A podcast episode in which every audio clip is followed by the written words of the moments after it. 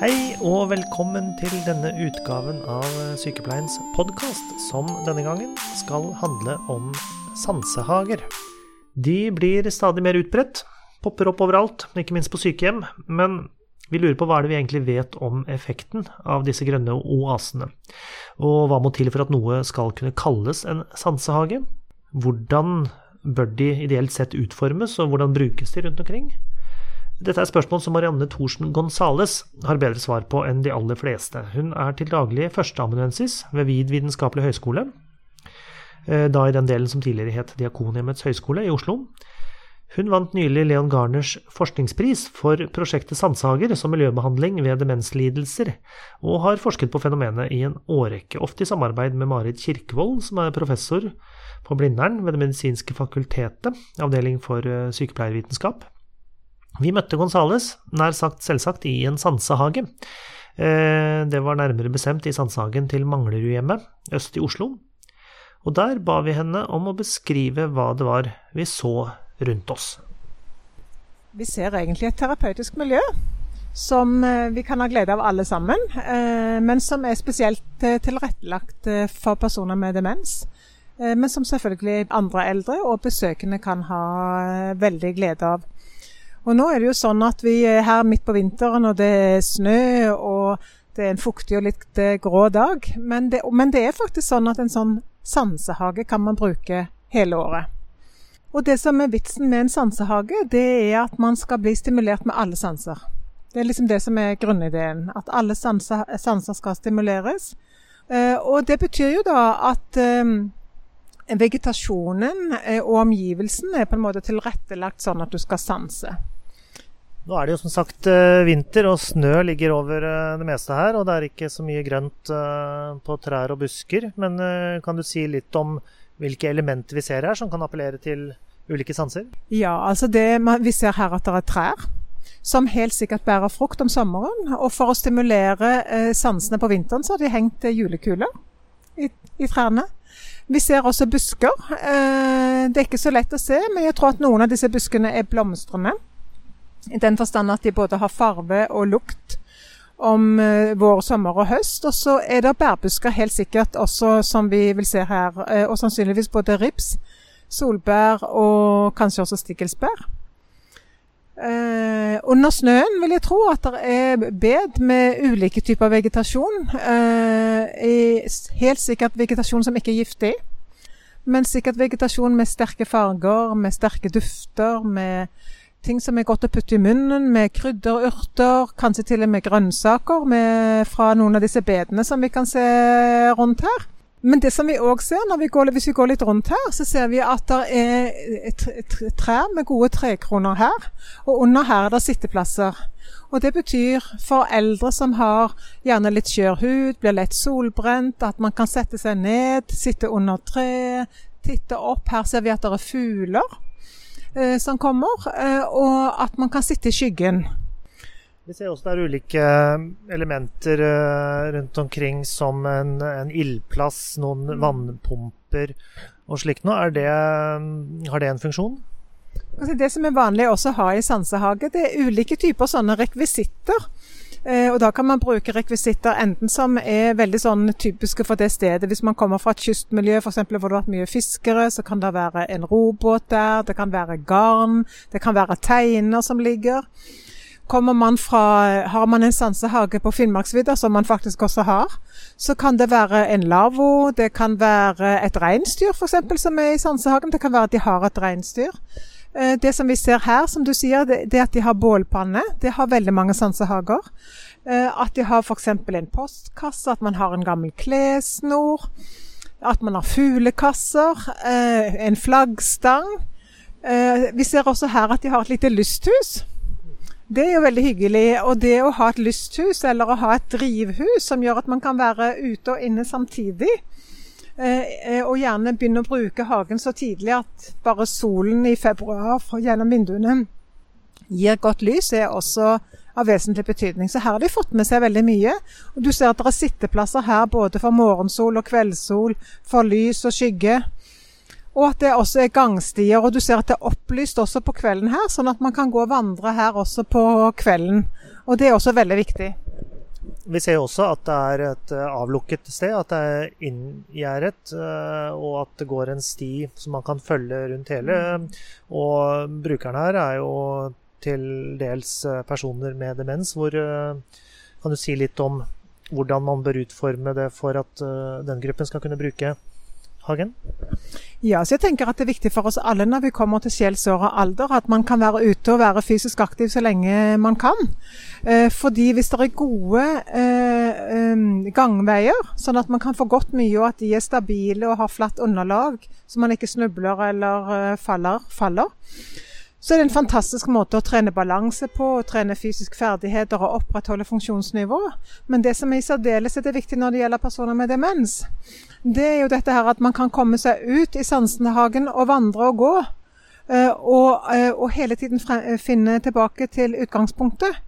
Og det, det ser vi her at, eh, at, selv om vi ikke kan se veien, så aner vi på skrittene eller på der hvor det er måkt, at under snøen her så er det, sånn, så er på en måte laget sånne sirkelveier som før eller siden fører inn der hvor man kom fra. Og det er veldig betryggende når man eh, av og til strever med orienteringsevne, hukommelse og kanskje også noe forvirring. At man kan gå rundt her og være alene og vandre å bruke kroppen, som er kjempeviktig å få lys, ikke minst, som vi vet gjør at man sover bedre om natten. Så, så, her er det mange ting som er godt ivaretatt. Det er som sagt vinter nå, så eh, kanskje vi skal trekke inn og prate litt mer om forskningen din på dette feltet? Det kan vi gjøre, vet du. Da har vi kommet oss inn i varmen, og som jeg sa i sted, så vant du nylig Leon Jarners forskningspris for ditt prosjekt Sansehager som miljøbehandling ved demenslidelser. Hvorfor ønsket du å se akkurat på fenomenet sansehager? Det hadde vel eh, sitt utgangspunkt i at jeg i mitt doktorgradsarbeid, jeg disputerte i 2010, eh, hadde sett på dette med betydningen av å det som vi kaller for terapeutisk hagebruk for personer med depresjon, voksne. Eh, hjemmeboende, men som var enten sykmeldt eller uføretrygdet, eller som hadde en periode ute av jobb. Eh, og det handlet jo om å bruke uteomgivelser og natur og, og hage ved, eh, ved, depressive lidelser. Og Eh, I den sammenhengen så hadde jeg professor Marit Kirkevold ved Institutt for sykepleievitenskap som eh, veileder, og hun inviterte meg egentlig inn da, til å fortsette med å um, arbeide med, med sansehager ved Altså betydningen av sansehager ved demenslidelser. Sansehager som miljøbehandling, egentlig. Og da startet vi egentlig opp med å gjøre det som vi kaller for sånne kunnskapsoppsummeringer, hvor vi prøver å finne ut hva er det vi egentlig vet først om dette med, med betydning av sansehager. Er det noen som har forsket på dette internasjonalt, og hvordan har de forsket på det, og hva har de funnet?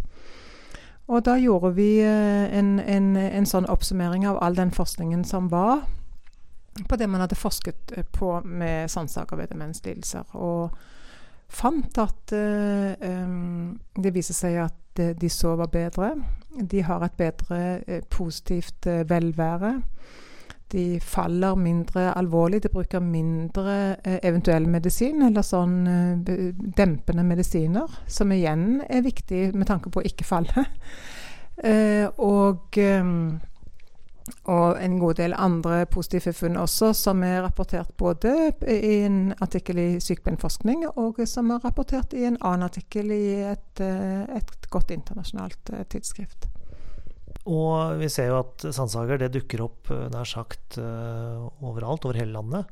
Og det virker som det har vært en eksplosiv utvikling de siste 10-15 årene. Kan du fortelle litt om, om det? Ja, Nå kjenner jeg ikke historien helt i detalj, men det er klart at noe av det som, eh, som vi ble nysgjerrige på etter at vi hadde sett på hva man vet eh, om betydningen av sansehager ved demenslidelser, så ble vi jo veldig nysgjerrige på hvordan ser dette feltet ut i Norge. Hvor mange sansehager er det, hvor store er de, hvordan brukes de klinisk? Eh, Fins det sansehager overalt? Og da gjorde vi en sånn eh, kartleggingsstudie hvor vi sendte eh, spørreskjema på e-mail til en rekke ledere og, og, ansatte rett og slett i hele landet. Så vi gjorde en sånn landsdekkende kartleggingsundersøkelse. Og da ser vi jo at antallet er utrolig sterkt økende etter 2000-tallet, og at det bare baller på seg. Og på spørsmålet om har du sansehage eller ikke sansehage. Eh, og hvis du ikke har, eh, har du planer om, så viser det seg at veldig mange av de som ikke har sansehage, faktisk har planer om å etablere en sansehage. Og Da snakker vi om en studie vi gjorde for fire år tilbake. Så for det jeg vet, så kan det ha kommet mange, mange, mange sansehager etter eh, dette. Du så jo også på hvordan eh, de ulike hjemmene brukte sansehagene, eh, og hvordan de var utformet. Eh, vil du si at eh, de var utformet slik man burde i stor grad, og, ble de brukt eh, slik det anbefales? Ja, Det er kanskje ikke så veldig mye anbefalinger akkurat i forhold til hvordan de blir brukt, men det er veldig gode anbefalinger i hvordan en optimal sansehage skal se ut. Og, og da var det jo sånn at vi samlet inn data for å se hvordan var de norske sansehagene utformet i lys av de anbefalte retningslinjene. Og da tror jeg godt at vi kan være stolte i Norge når du tenker på de klimatiske utfordringene vi har, og hvor kort hovedsesongen tross alt er. At vi kan være stolte av å si at uh, norske sansehager holder en god uh, standard. Det er rom for noen forbedringer, i særdeleshet kanskje dette med et drivhus ute, og kanskje også dette med rekkverk langs gangveier, sånn at også de som er enkelt kan falle, også kan gå på gangveiene. Men utover det så tror jeg at man må kunne si at man har vært veldig dyktig på å anlegge sansehager i Norge. Og man har også i stor grad i Norge benyttet uh, landskapsarkitekter eh, som rådgivere i utformingen av sansehager. Det er som sagt veldig mange etter hvert som har startet opp eh, sansehager rundt omkring eh, i Norge. Eh, hvilke utfordringer er det de har for å få dette til å fungere optimalt? Ja, Det er egentlig utfordringer på, på mange, mange, nivåer. Det ene er jo dette her med å kunne nok om demens til at man forstår faktisk hvordan en sånn sansehage kan hjelpe. Eh, og så å, å, forstå noen ting om hva er det essensielle med, med, en hage, eller aktiviteter i hage, eller uteomgivelser generelt, som bidrar til at det faktisk hjelper demens. Begge de to kunnskapsområdene må man ha.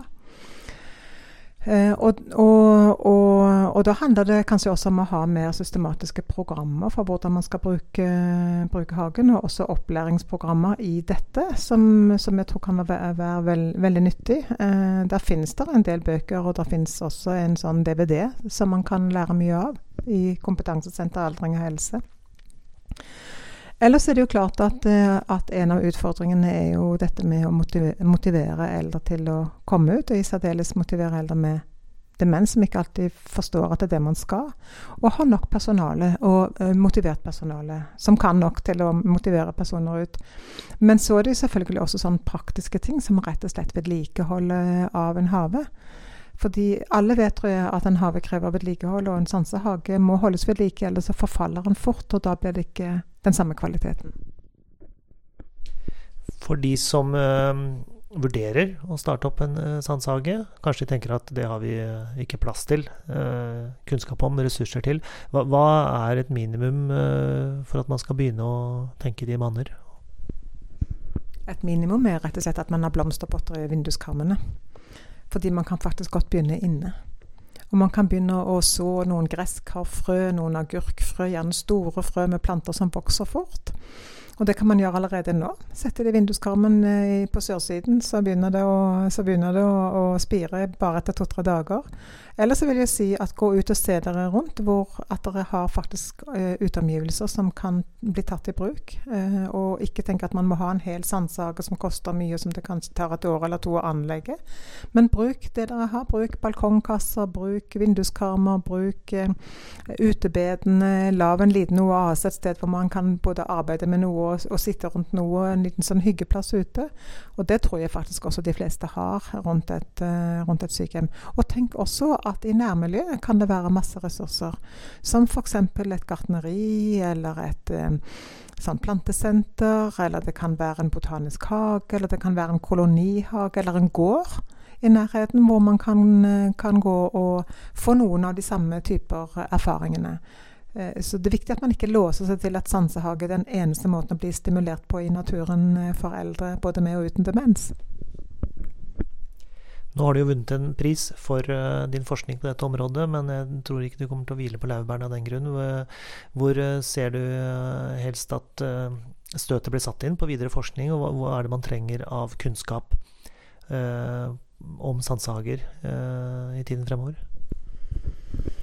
Altså, vi trenger, uh, trenger, større forskningsprosjekter med det som er sånn sterke design, altså hvor man trenger kontrollgrupper for å se eh, betydningen, eh, altså effekten av dette, og kanskje også over, over tid se noen ting på både altså i hvilken grad man brekker mindre bein der, der hvor folk har bedre balanse, f.eks. At man har gjennomgående bedre trivsel. Altså at vi trenger å måle ting over tid på kanskje et, et stort antall eh, antall sykehjem. Så det er én ting. En annen ting er kanskje dette her med å, å, prøve ut gode terapeutiske programmer. Slik at man liksom har en, et program eh, som er litt sånn fleksibelt i forhold til vær og vind, men som går over hele året. Eh, med, også med systematisk å se på effekter av det. Og så selvfølgelig eh, forske på betydningen av opplæringsprogrammer i forhold til om det betyr at man bruker hagene bedre, og om det også hjelper for personer eller for brukerne. Da takker jeg veldig for samtalen, eh, og ønsker deg lykke til eh, videre i ditt arbeid. Takk skal du ha. Det var altså Marianne Thorsen Gonzales som vi hadde møtt eh, på Manglerudhjemmet i Oslo. Det gjenstår bare å takke for seg. Sykepleiens podkast finner du på våre hjemmesider, altså på sykepleien.no. Du kan også laste oss ned via iTunes eller med en egen podkast-app, og du finner oss også på podbean.com. Hvis du bruker iTunes, så legg gjerne igjen en liten anmeldelse eller vurdering. Eller du kan sende oss kommentarer og ønsker på e-post, og da til redaksjonen krøllalfa sykepleien.no. Eller du kan kontakte oss via vår Facebook-side eller Twitter-konto. Jeg heter Ingvald Bergsagel. Vi høres.